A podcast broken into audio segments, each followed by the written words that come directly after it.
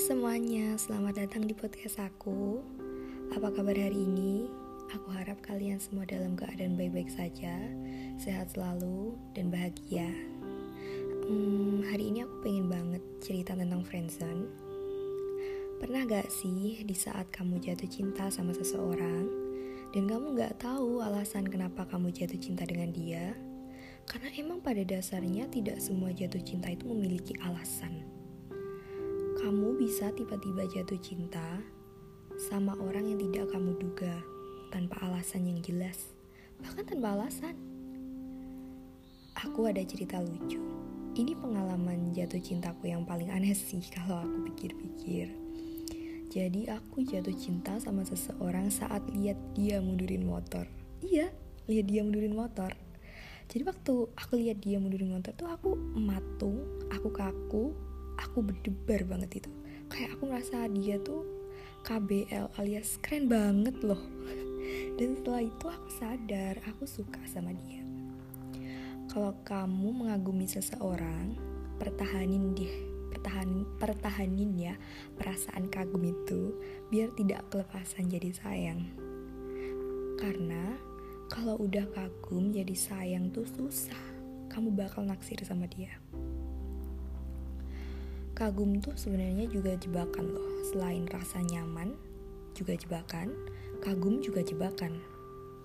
Ya kembali ke tadi, kamu bisa aja tiba-tiba sayang sama tuh orang karena perasaan kagum kamu sama dia itu.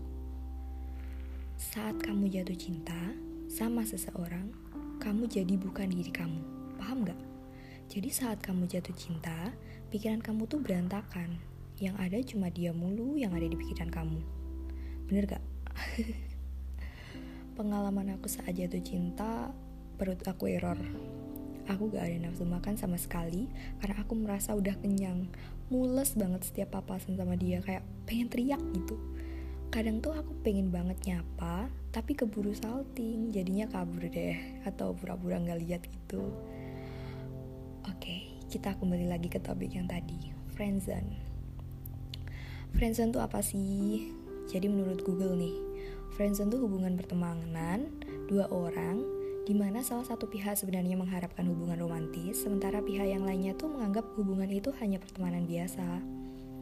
Kalau menurut aku, dari cerita teman-teman aku dan salah satu pengalaman aku, friendzone tuh ada beberapa macam. Yang pertama, kamu suka sama dia, dia juga suka sama kamu alias kamu sama dia sama-sama suka, tapi kamu sama dia memutuskan untuk berteman saja agar hubungan pertemanan kalian tuh nggak rusak atau kacau gitu. Yang kedua perasaan sepihak. Kamu suka sama dia atau dia suka sama kamu, tapi dia atau kamunya hanya nganggap temen. Dan itulah friendzone. Yang ketiga, kamu pernah ada rasa ke dia, tapi saat kamu udah suka sama orang lain, dia suka sama kamu. Alhasil, kamu sama dia terjebak di hubungan friendzone. Mungkin kalau ada yang mau nambahin macam-macam friendzone bisa langsung kirim email ke aku atau DM aku ya. Oke. Okay. Kamu ada gak temen cewek atau cowok yang deket gitu as a good friend dan kamu suka sama dia? Kamu pengen hubungan kamu sama dia tuh lebih dari teman, tapi kamu gak mau ngerusak pertemanan lo sama dia. Ribet kan? Jalan luarnya apa? Friendzone? Ngerelain perasaan? Move on? Iya, susah emang mungkin 20% dari populasi manusia di bumi ini tuh pernah kejebak di zona pertemanan alias friendzone dengan dalih mempertahankan pertemanan. Aku belum tahu sih kalau di Mars berapa persen. Kalau kalian tahu kabari aku ya. Oke, okay, aku ada cerita nih. Aku juga pernah loh kejebak di zona sialan itu, zona friendzone. Sedih amat. Aku suka sama dia, tapi entah dia suka sama siapa. Habisnya dia membingungkan banget sih Kadang aku penasaran, tapi rasa penasaranku jika aku tahu realitanya hanya akan menyakiti hatiku sendiri. Emang ya, yang bener tuh jangan pernah kebawa rasa deh. Misal nih, mungkin bagi dia ada nih hal-hal kecil yang gak penting, tapi bagi kamu itu bisa aja nyentuh hati gitu. Kalau hati udah tersentuh, nah benih-benih rasa tuh tumbuh gitu, ya kayak mungkin kamu tuh suka banget sama boneka apalah. Suatu hari dia teman kamu atau sahabat lawan jenis nih ngasih tuh boneka kesukaan kamu. Mungkin maksudnya ngasih itu ya sekedar ngasih tapi mungkin bagi kamu itu bisa aja menyentuh hati sih. Kayak aneh banget nggak biasanya gitu. Atau nih ya atau mungkin kamu baru aja potong rambut. Orang lain tuh nggak ngeh kalau kamu habis potong rambut. Tapi dia tahu kalau kamu habis potong rambut iya hal-hal kecil macam tuh bisa memicu perasaan jadi aku harap hati-hati banget sih kalau kamu punya teman atau sahabat lawan jenis harus punya tameng yang tebel banget. Jangan sampai baper atau terbawa perasaan kalau kamu hanya ingin berteman, oke? Okay? Oke lanjut ke cerita friendzone aku. Adalah temen aku gitu. Bagiku, aku sama dia nggak deket banget, tapi deket gitu. Dan aku udah naksir dia selama 2 tahun. Awalnya sih aku cuma kagum gitu, terus kelepasan jadi suka. Ya maaf, namanya juga rasa gak ada yang bisa nebak jatuh hati ke siapa Jatuh hati saat kapan, hal apa yang membuat jatuh hati, itu bisa terjadi secara tiba-tiba. Ya seperti aku tadi yang naksir dia karena lihat dia mundurin motor. Pada awal aku naksir dia, ada temennya yang ngedeketin aku, dan dia orang yang aku taksir ini ya. Itu tanya ke aku, aku lagi dalam hubungan apa enggak. Ketawa banget sih ini. Dia nanyain status aku buat temen dia di saat aku suka sama tuh orang. Akhirnya aku ngerespon temennya dia cuma deket. Ya nggak bertahan lama sih. Yang bikin aku bersyukur pernah deket sama temennya dia tuh karena saat deket sama temennya dia dia bisa kenal aku yang sebelum sebelumnya tuh dia nggak tahu siapa aku gitu dia tuh baik banget, asik banget, friendly banget, humble banget, keren banget, stylish banget, tinggi. Pokoknya aku suka segalanya tentang dia. Dia punya banyak temen, dia punya banyak temen cewek, cantik-cantik itu itu yang buat aku insecure kayak aku kayaknya gak pantas deh naksir dia. Pokoknya saat aku sadar perasaan aku ke dia aku kalut banget. Overthinking banget gitu. Dan kadang aku merasa cemburu tapi aku tidak memiliki hak untuk merasa cemburu Walaupun memiliki rasa kepada seseorang adalah hak semua insan, mungkin untuk rasa cemburu sebagian insan tidak memiliki hak untuk itu. Ya semoga aja dia nggak sadar sih karena aku gak pernah ngekode kalau orang yang aku taksir dia. Kalau mungkin dia dengar podcastku ini terus dia sadar karena tadi aku nyebutin ciri-cirinya gak spesifik sih semoga aja gak sadar ya. Tapi kalau sadar aku cuma mau ngomong I'm so glad karena bisa ketemu kamu I'm so grateful karena Tuhan sudah membuatku mengenalmu dan membuatmu mengenalku. Aku senang bisa berbincang denganmu walau tidak sering yang kuharapkan.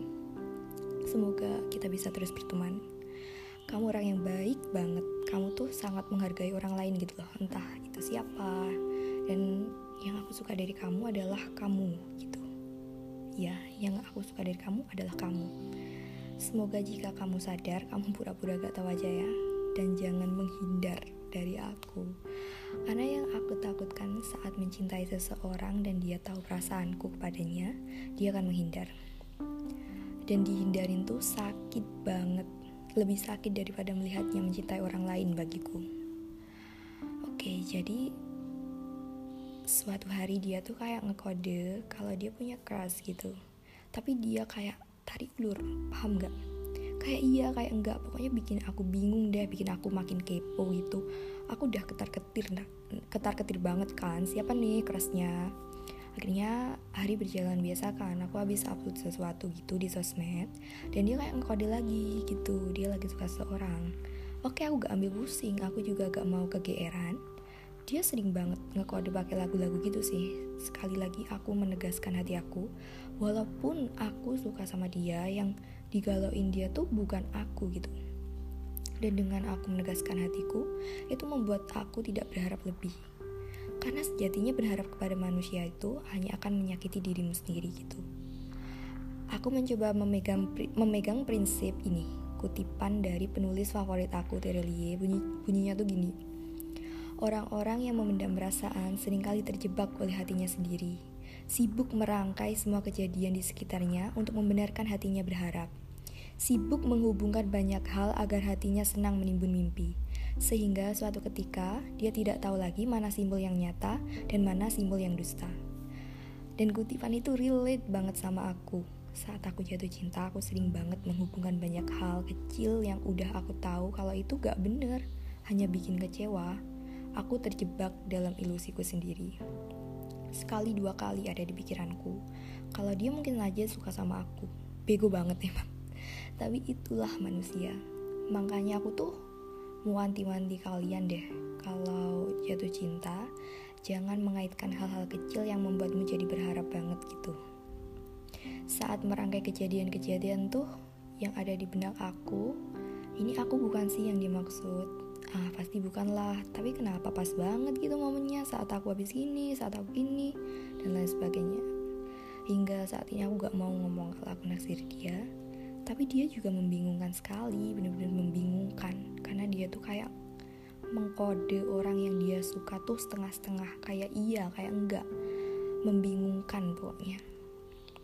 Tapi balik lagi, aku bersyukurnya karena dia nggak tahu perasaan aku ke dia tuh aku sama dia masih bisa temenan mungkin jalan terbaik buat aku adalah dipendam aja dan move on pelan-pelan walaupun itu menyakitkan aku rasa itu keputusan terbaik sih yang aku ambil. Aku sayang banget sama dia tapi aku gak boleh egois kan? Aku gak mau kehilangan dia as a good friend hanya karena perasaanku kepada dia. Dan sekali lagi aku benar-benar bersyukur. I'm so glad karena mengenalnya. Bener-bener bersyukur banget sih. Ya mungkin segitu aja cerita dari aku. Aku pengen nyemangatin kalian yang lagi di fase friendzone ini. Kalian keren banget pasti itu sulit tapi aku yakin kalian bisa lalui semua itu. Semangat ya. Terima kasih sudah mampir di podcast aku sudah mendengarkan cerita aku. Maaf kalau masih belibet. Jujur aku gugup sih. Gugup kayak ya gugup aja gitu. Maaf banget ya kalau belibet. Terima kasih banget. Sekali lagi aku terima kasih. Dan sampai jumpa di podcast aku selanjutnya. Bye, see you.